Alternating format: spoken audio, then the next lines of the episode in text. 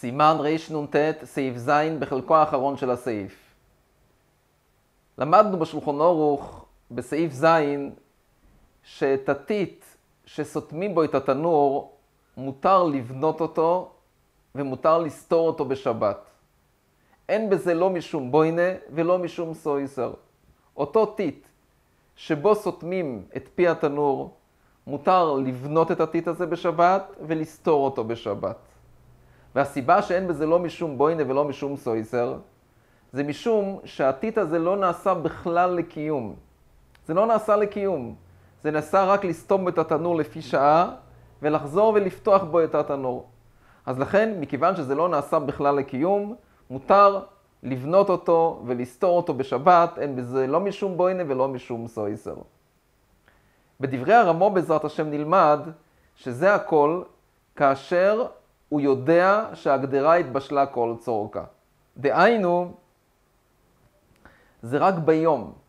ביום שבת, אחרי שהגדרה כבר עמדה כל הלילה על גבי הגחלים שבתנור, מסתבר שהגדרה התבשלה כל צורכה, ואז כל הבעיה שיש בבניית הטיח ובסתירת הטיח זה רק משום בוינה וסויסר, וזה מותר כי זה לא נעשה לקיום כלל. אבל בלילה, בליל שבת, בליל שבת שמסתום מהגדרה עדיין לא התבשלה כל צורכה, אם הוא סותם את פי התנור בטיט, אז הוא מקרב את הבישול של הגדרה. על ידי זה התבשיל שבגדרה ממהר להתבשל.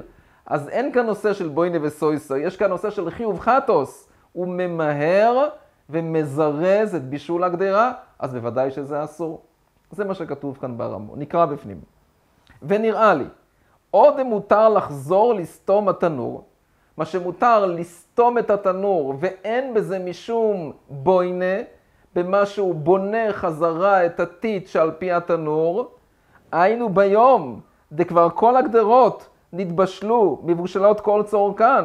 אז לכן מה הבעיה רק של בוינה? בסדר, אין בוינה, כי זה לא עשוי לקיום. אבל בלילה סמוך להטמנתו, אם הוא שם את הגדרה בלילה, שהגדרה עדיין לא מבושלת, המשתבור מוסיף כאן, היינו אפילו אם אינו יודע שכן הוא, הוא לא יודע, אומר המשנה ברורה, עדיין לא מבושלת כל צורכה. בכל זאת, יש לו לחוש לזה מסתומה. מסתומה הוא צריך לחוש לה שהגדרה עדיין לא התבשלה כל צורכה, ואסור לו לסתום את פי התנור מצד מבשל.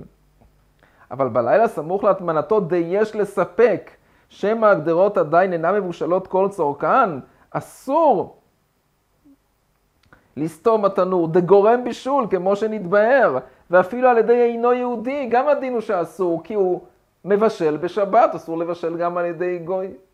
אז לכן ההתר הוא רק כאשר אנחנו מסתדרים עם בעיה של מבשל, ונשאר רק הבעיה של בוינה וסויסר, וזה מותר.